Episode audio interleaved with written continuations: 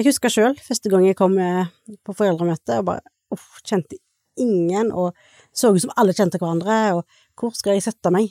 Så så jeg ei mor fra barnehagen, som tilfeldigvis er kollegaen min nå, så jeg klamra meg omtrent til hun. Det, det, ja, det er ubehagelig. Da lytter du til Sunnhordlandpodden, en podkast med fokus på å framsnakke og heie på folk som brenner for noe her i Sunnhordland. Du som lytter, vil bli bedre kjent med de som står på som gründere i næringsliv, idrett og kulturliv. Målet mitt er at podkasten skal bidra til en framsnakkingskultur, bulyst og økt kjennskap til alt det spennende som skjer i Sunnhordland. Vil du vite mer om podkasten og hvordan du eventuelt kan bli en samarbeidspartner? Sjekk ut sunnhordlandpodden.no. Og jeg setter stor pris på om du er med og deler podkasten med noen som du tror kan ha glede av den. Nok om det. Her er dagens episode. Hvordan skal vi som lokalsamfunn ta imot og ta vare på de som kommer flyttende til regionen? Da har Borghild Gullberg Bakker noen tanker om, så velkommen til Sunnhordlandpodden, Borghild. Tusen takk. Du har jo erfaring både fra jobben som minoritetsspråklig rådgiver i Stord kommune, og som innflytter til Stord. Så har du noen sånn innledende tanker og refleksjoner rundt uh, dette med hvordan skal vi ta imot folk som kommer? Jeg vil si det handler om å være åpen. Rett og slett det der med å ikke ha så høye forventninger, men være åpen til å ta imot, ta kontakt. Det skal, ikke alltid det skal så mye mer enn et hei. Dette er noe av det vi skal komme tilbake igjen til etter hvert, men det er jo kjekt å bli litt bedre kjent med deg og din historie, så hvis du skal få presentere deg sjøl for de som lytter, hvem er Borghild? Ja, jeg er jo opprinnelig fra Suldal, eller oppvokst i Suldal, eh, men jeg har en mor som er fra Stord, så og eh, har vært veldig mye på Stord i oppveksten min. Foreldrene mine har feriehus her, eh, som er bygd der som mor mi er fra, da, i Kåravikjå. Så jeg har Eller somrene mine, det var på Stord, rett og slett, det var basen. Jeg, jeg er jo adoptert fra India, men det har egentlig aldri prega meg så veldig i oppveksten, ikke uten at noen faktisk har påpekt hvordan jeg ser ut. Så det er nå meg, jeg er utdanna lektor, og har jobba mesteparten av karrieren min i skolen, både som lærer og i administrasjonen. De siste åra har jeg vært på rådhuset. Så har du familie? Det har jeg. Jeg har to aktive gutter og en samboer. Jeg har jo snakket med litt ulike folk, og du blir beskrevet som ærlig og litt fanden i voldsk. Jeg lurer veldig på hvem som har sagt det. jeg, jeg, må beskytte kildene mine, men uh, Ærlig stemmer nok, uh, ja. Jeg vet ikke hva de legger i det siste der. Nei, si det. Um, jeg er nok, kan nok ha raskere replikker på ting. det kan du, de som jeg jobber med iallfall, de kan nok bekrefte det. At jeg bare Jeg sier det, det blir jo servert meg på en sølvfat, jeg må kommentere på ting som kommer. Som humor, eller? Ja. ja. Eller hvis noen kommer inn og, og, trenger hjelp til noe, så kan jeg si til han i det kontoret at bare spør, han elsker når det kommer kjekke damer inn og spør. sånn er det. Du blir også beskrevet som raus og omsorgsfull, det er jo fint. Ja, det er fint. Mm. Og at du har en beundringsverdig balanse mellom alvor og spøk. Hva tenker ja. du? Mm. Kjenner du deg igjen i det? Ja, det kan kanskje stemme. Det har jeg ikke tenkt så mye på, men det kan nok stemme. Jeg har jo nok òg brukt humor litt som forsvar av og til, for vi har vært gjennom forskjellige ting. Det har vi jo alle i livet. Eh, og så er det det med å finne balansepunktet, da. Eh, ja, så kanskje. Du sa at du, du, er ikke født eh, her på Stord, men i, i Suldal? Eller ja, du er opprinnelig i India. Mm. Når kom du til Norge? Når jeg var ett år. Ja, sant. Så hvordan var det å vokse opp i Suldal? Det var fint. Eh, det var trygt. Det var nå det jeg kjente til.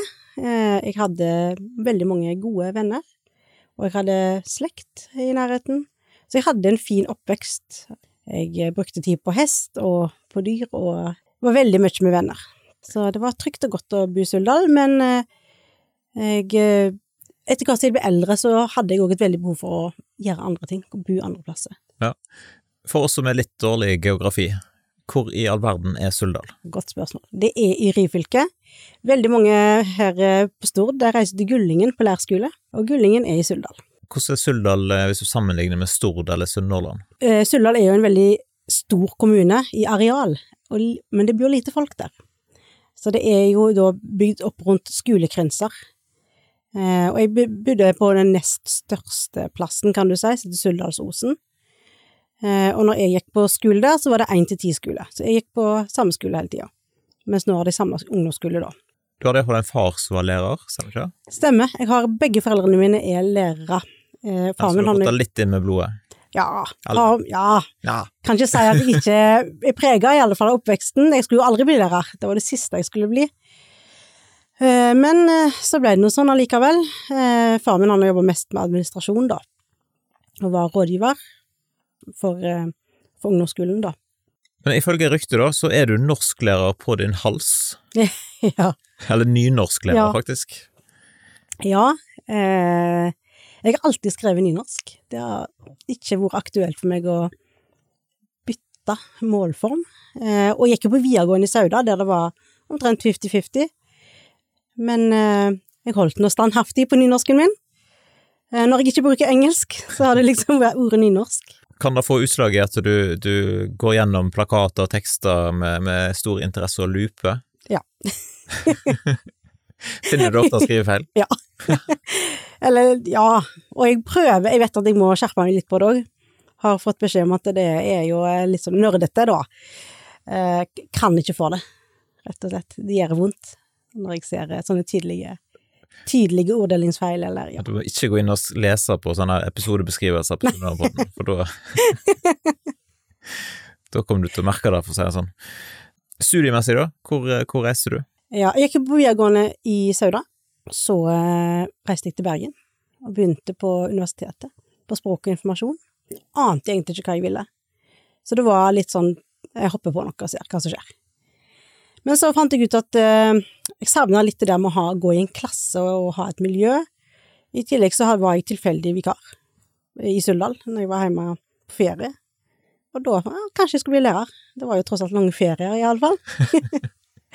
Så det var egentlig litt tilfeldig at jeg havna på lærerskolen òg, Fortsatt i Bergen. Ja, på Høgskolen i Bergen. Så har du òg et år ute i USA, i en by som heter Minneapolis. Stemmer, litt vanskelig å si, men eh, ja.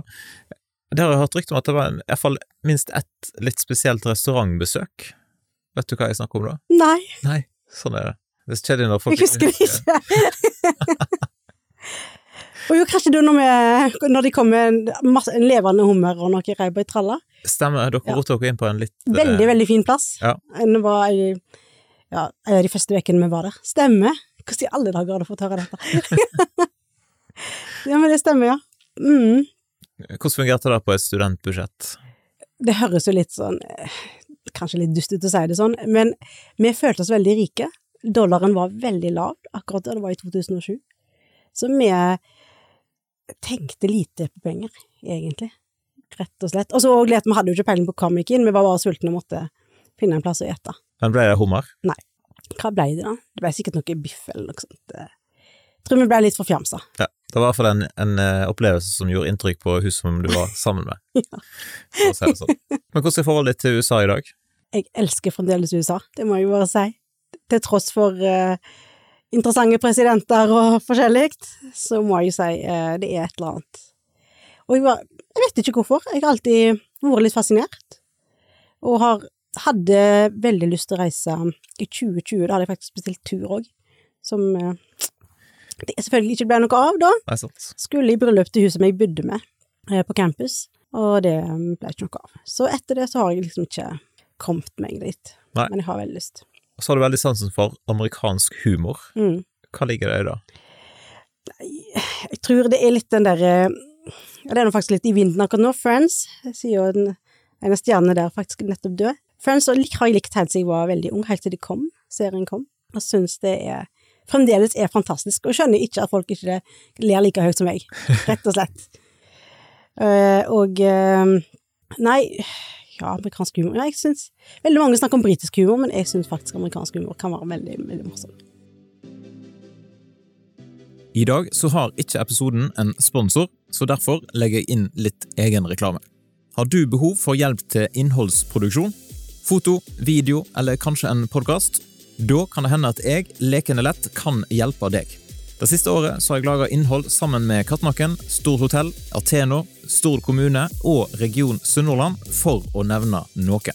Du kan jo ta kontakt med deg for å få litt eh, referanser, hvis du ønsker det. Og så kan du ta kontakt med meg hvis du har et prosjekt som du tror at jeg kan bidra til. Og hvis din bedrift har lyst til å bli sponsor av Sunnhordlandpodden, så er det i alle fall bare til å ta kontakt. Nok om det. Tilbake til dagens episode.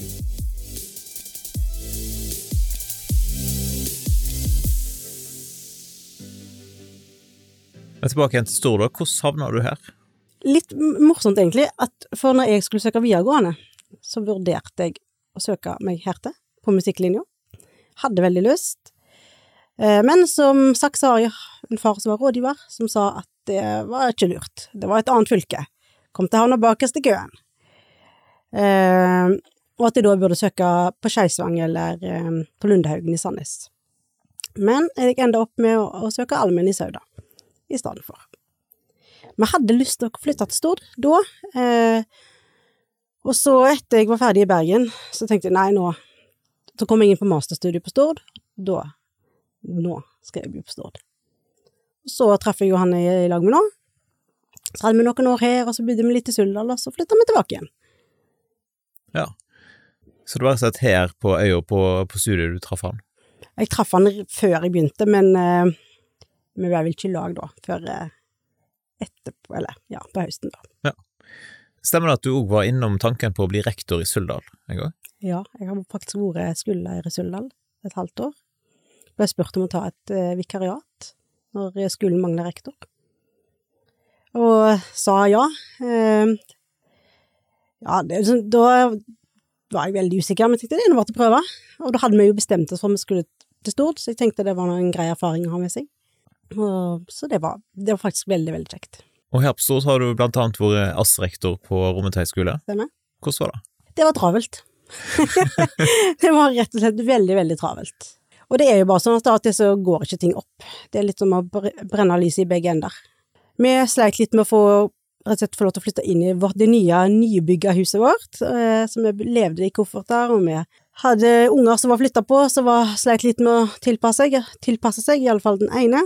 Og så kom korona. Det var rett og slett eh, veldig dårlig timing, rett og slett. På mange måter. Og i august eh, 2022, da starta du i ny stilling i Stord kommune. Ja, eller jeg begynte Eller? faktisk gjøre fellestjenester allerede da i januar i 2022. Ja. Eh, da var, hadde jeg et vikariat på kundetorg og litt sånn saksbehandling og sånn, og så fikk jeg, fikk, fikk jeg spørsmål om å ta den rådgiverstillingen. Stemmer. Så den begynte i august. Den begynte i mai, faktisk. Så er de veldig trege til å oppdatere Facebook-sidene sine, for de hadde lagt, Ja da, lagt ut en de. sak i august. Stemmer.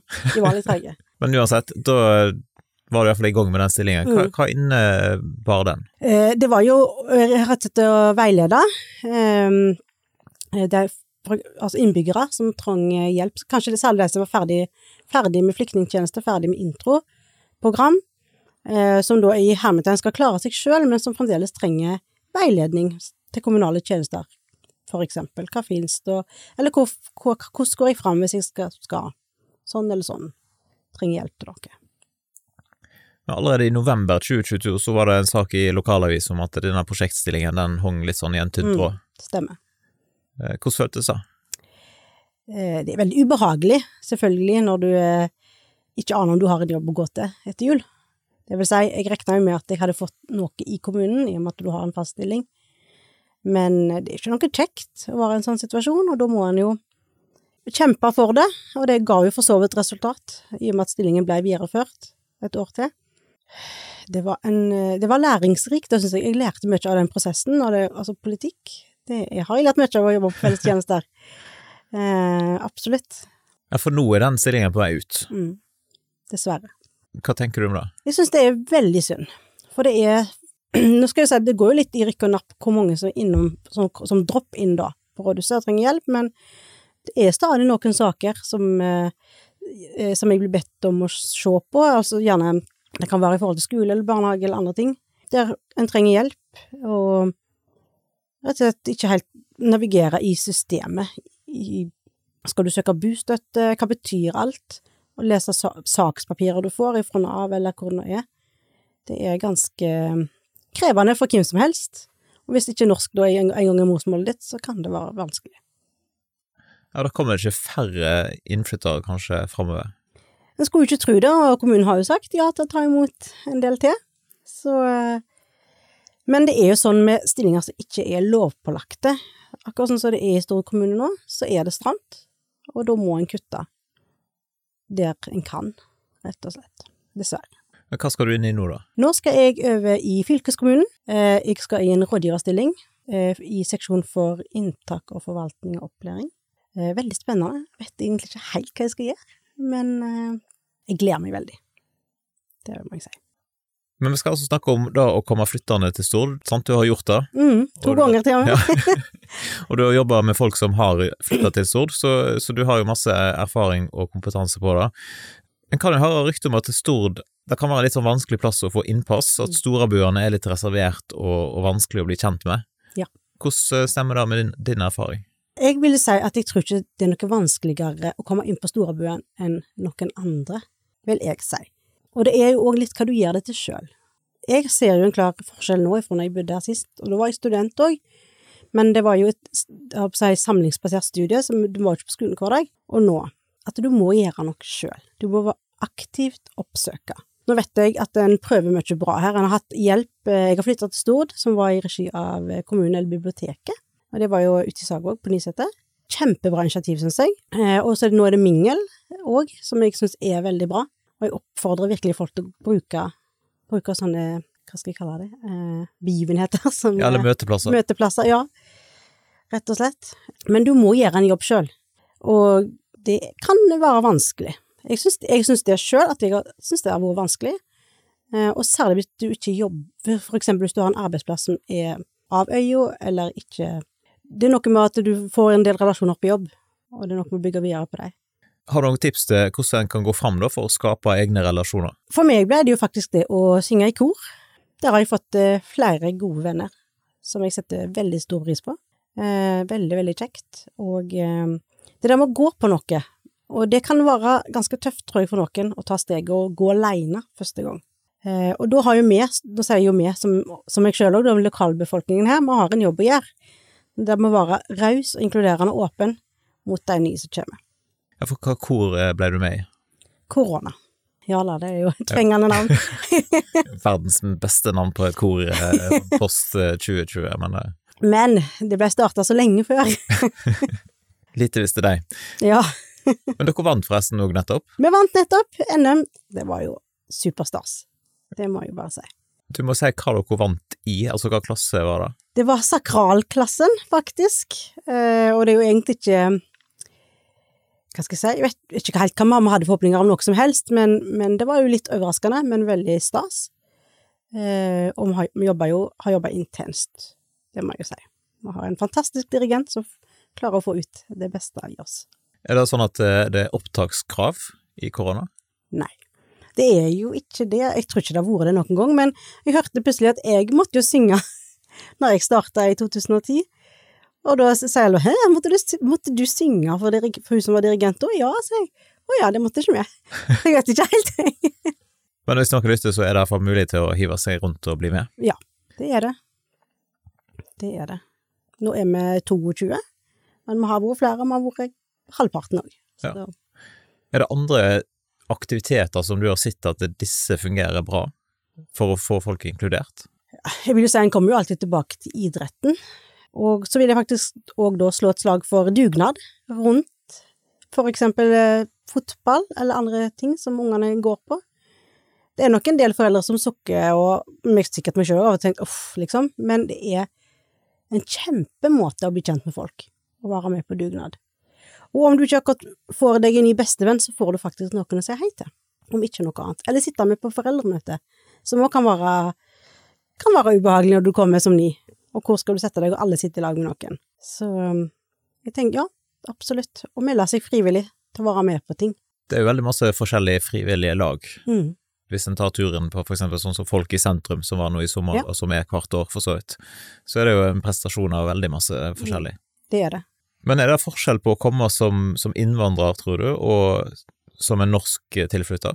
Ja, for jeg tror jo at det er lettere for en norsk tilflytter å orientere seg i mylderet av ting som finnes der. Både av tjenester som finnes til kommunen, og fritidsaktiviteter. For en ting er at du må jo vite hvor du finner det, du må vite hvor du skal gå for å spørre. Hvem skal du spørre? Hvem skal du oppsøke? Eh, Så det vil jeg si. Og så er det Det er noe med at vi er ofte redde for det som er litt fremmed, rett og slett, og da det kan være et hinder for flere.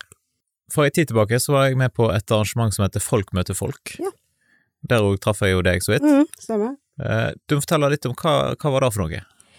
Eh, Folk møter folk eh, er et opplegg som er utvikla av Arendal voksenopplæring. Det handler egentlig om å koble mennesker som kan ha glede av å møte hverandre. Eh, Jeg skal ikke følge noen forpliktelser med det, men det skal være eh, Altså Målet for oss var at noen, alle skulle få en ny person å si hei til på gata, rett og slett, etterpå. Og da eh, brukte vi jo litt tid på å finne elever for voksenopplæring på Stord, og koble dem med i lokalbefolkningen her, rett og slett. Og sette seg ned, og så fikk de sitte og snakke i en halvtime, cirka. Og så eh, var det ikke mer forpliktende enn det. Så kunne en velge, noen valgte å, å bytte telefonnummer og ville treffes igjen, og andre kanskje ikke, og det er helt greit. Hvor mange som møtte opp? Sånn cirka. Nå må jeg tenke meg om, faktisk, ja. Eh, var med 22, må tro. Det er rundt 20, i alle fall. Veldig, veldig bra. Synes jeg. Og vi fikk veldig mange positive tilbakemeldinger etterpå. Både på opplegget, at, og det der med Jeg tror at når folk ikke må binde seg til noe, så er det mye lettere å stille. Og de og elevene for voksenopplæringa hadde jo veldig lyst å være med på noe sånt. For de har nok uttrykt òg for sine lærere at de, de savner litt kontakt med lokale, rett og slett. Er det en type arrangement som kommer til å bli arrangert flere ganger? Jeg håper det. Eh, I og med at jeg nå går ut av denne stillingen, og jeg var jo koordinator for dette, så, så vet jeg jo ikke, og kan ikke svare for noen andre, men eh, jeg vet at både biblioteket og Frivilligsentralen, eh, og, de var jo òg med på dette, det må jo sies, i tillegg til voksenopplæringa, og de er positive da, til å kanskje få til noe senere. Du sa at dere fikk god respons. Hvem var det som gav mest respons? Det var begge gruppene, både de som kom som innvandrere og flyktninger, og de som er lokale. Det var ei som sa at eh, tenk at, tenk at vi har så masse til felles, hvem skulle tro, og vi hadde aldri truffet hverandre hvis det ikke var for dette. Så det er jo veldig kjekt. Ja, Den halvtimen som vi prata i lag, gikk iallfall veldig fort, Ja, Så bra. så det var spennende, spennende å være med på. Du er jo opptatt av inkludering av alle, Mm. og da å få til et varmt samfunn. Hva tror du skal til for at vi kan få det enda varmere her på Stord? Jeg vil jo også si at vi Stord gjør veldig mye bra. Det, det syns jeg er kjempeviktig å få fram. Det er så mange flinke folk her, og flinke lag og organisasjoner som gjør så mye bra for innbyggerne. Så, men oss, hvis jeg tenker hverdagsintegrering, eller hverdagsinkludering, da, så tenker jeg at vi må gå litt i oss sjøl òg. Hva kan jeg gjøre? Kan jeg gjøre noe i det hele tatt for å hjelpe andre? Eller for å få andre til å føle seg mer velkomne, eller Og da vil jeg jo tilbake til blant annet det med, som jeg nevnte på foreldremøte. Jeg husker sjøl første gang jeg kom eh, på foreldremøte, og bare uff, kjente ingen, og så ut som alle kjente hverandre, og hvor skal jeg sette meg? Så så jeg ei mor fra barnehagen, som tilfeldigvis er kollegaen min nå, så jeg klamra meg omtrent til hun. For det, det, ja, det er ubehagelig. Og du ser jo òg, da er det jo foreldre Altså, folk kommer jo fra her til stor, fra hele verden, eh, og kjenner kanskje ingen. Så det der med bare så sett deg med oss. Det skal ikke, ikke alltid det skal så mye mer til. Bidra når det er kjøring på, til aktiviteter, fotball eller håndball eller hva det er. Og noen, for eksempel fra mottaket, kanskje har ikke- sant, de har ikke bil, de trenger hjelp til å komme seg fra A til B. Still opp, vær sjåfør. Det koster jo så lite, og du skal samme veien allikevel. Sånne, Relativt små grep. mm. Hvis alle gjør litt. Har du noen historier fra jobben nå som du kan dele, eller ting som har gjort inntrykk på deg? Det, det som gjør veldig inntrykk på meg, er jo særlig de som kommer som jeg faktisk ikke kan hjelpe. For det er jo av og til det kommer inn folk som egentlig trenger advokathjelp. Det er, syns jeg er veldig vanskelig. For jeg har jo veldig lyst til å hjelpe, men jeg kjenner mine begrensninger, og jeg vet her kan jeg. Og det å måtte liksom være den enda en person som sier nei, beklager, jeg, jeg kan ikke hjelpe deg, det er Ja, det kan være ganske tøft og til, syns jeg. For det er noe med oss, vi har jo lyst å hjelpe. Jeg tror at en går inn i omsorgsyrket som lærer eller sykepleier, så er det for å, for å hjelpe. Litt tilbake igjen til deg, da. Når du ikke holder på med, med jobb eller synger i kor, hva liker du å holde på med da? Jeg er veldig glad i å lese, og jeg, det bruker jeg eh, en del tid på, iallfall ifølge samboeren min, som kommenterer at jeg er i en annen verden, bokstavelig talt. eh, Hva jeg, type bøker snakker vi om da? jeg leser veldig mye krim, det må jeg jo si. Eh, Og litt, eh, litt som biografer, litt sånn forskjellig. Sånn. Det har jeg alltid likt. Så jeg er veldig glad i å lage mat. Jeg har jo tross alt 60 studiepoeng i mat og helse. Ja, såpass. Det var det kjekkeste, kanskje det kjekkeste året, sånn studiemessig, da. For det var jo for meg en lek helt å gå på skolen. Hva type mat eh, liker du helst å lage, da? Eh, kan vi heller si at jeg ikke liker å lage. Jeg er ikke noe særlig på baking av kaker. Jeg er jo ikke Ikke er kreativ, klarer ikke å pynte fint, og ikke Men, eh, men jeg liker veldig godt å lage mer type middagsmat, eller ja. Det syns jeg er kjekt. Og så skrev du til meg at du lærte på den harde måten å si nei. Hva ligger det i da? Det ligger vel i at jeg har alltid hatt vanskelig for å si nei. Hvis folk spør meg om tjenester, eller hjelper til, eller hva som helst, så liker jeg å si ja, for jeg vil gjerne hjelpe. Eh, Men det er noe med å finne ut hvor, få en balansegang, da, mellom hva tid det går utover meg sjøl eller min familie. Eh, Så det har jeg eh, øvd meg veldig på de siste åra, rett og slett. Og, og det der med å stole nok på deg sjøl til å Nei, dette her, nå må jeg ha en pause. Ta meg en timeout. Det trenger jeg av og til. Er det da du finner fram boka? Da finner jeg fram boka eller musikk. Ja. Eller går meg en tur. Hva musikk, da? Eller Ja, hva musikk da? Eh, jeg er jo en sånn sucker for eh, 90-tallet, og eh, det var jo glanstider rundt 2000, tross alt. Eh, så hvis jeg skal virkelig bare koble helt ut, så kan jeg høre på ja, rundt år. Rundt 2000 er jo ungdomstida. Ja, sant. Tilbake igjen der. Hvis du ser framover nå, da, hva er planene? Nei, hva er planene? Eh, nå er det jo advent. Jeg elsker jo høst og advent og jul, og har en plan om å kose meg mest mulig i adventstida. Eh, vi skal feire jul her på Stord i år, og det blir kjekt med foreldre og eh, forhåpentligvis eh, treffe litt venner og forskjellig. Og en tur til Suldal blir det jo selvfølgelig òg. Eh, og så er det ny jobb, og det ser jeg fram til. Jeg syns det er trist òg å forlate rådhuset, for jeg eh, har virkelig hatt det fint der, og veldig, veldig, veldig kjekke kollegaer. Hvor hen kommer du til å sitte nå, da? Det er gamle posthuset i tredje etasje der, så det er jo Ja. veldig nærme. Så vi tuller litt med at vi skal ha en sånn der løypestreng, der vi kan sende post til hverandre. Det er nå det som skjer, eller så er det nå hverdag, mest hverdager. Det er ofte, da. Da sier vi tusen takk for besøket i studio, og så ønsker vi lykke til videre i både ny jobb og med alt det som du brenner for. Takk for det.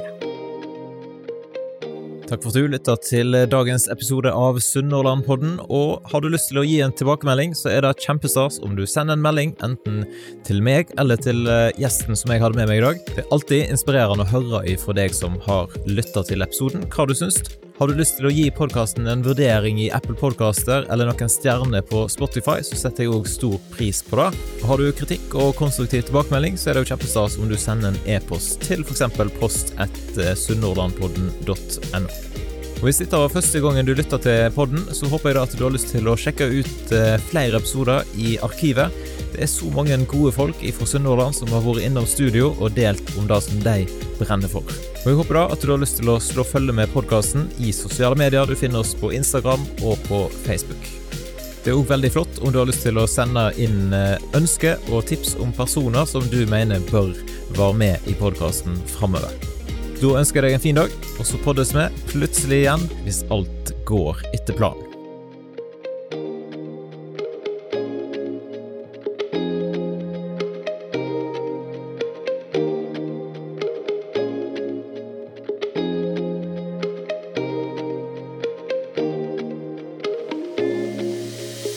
Podkasten er produsert av Kjetil Fyllingen.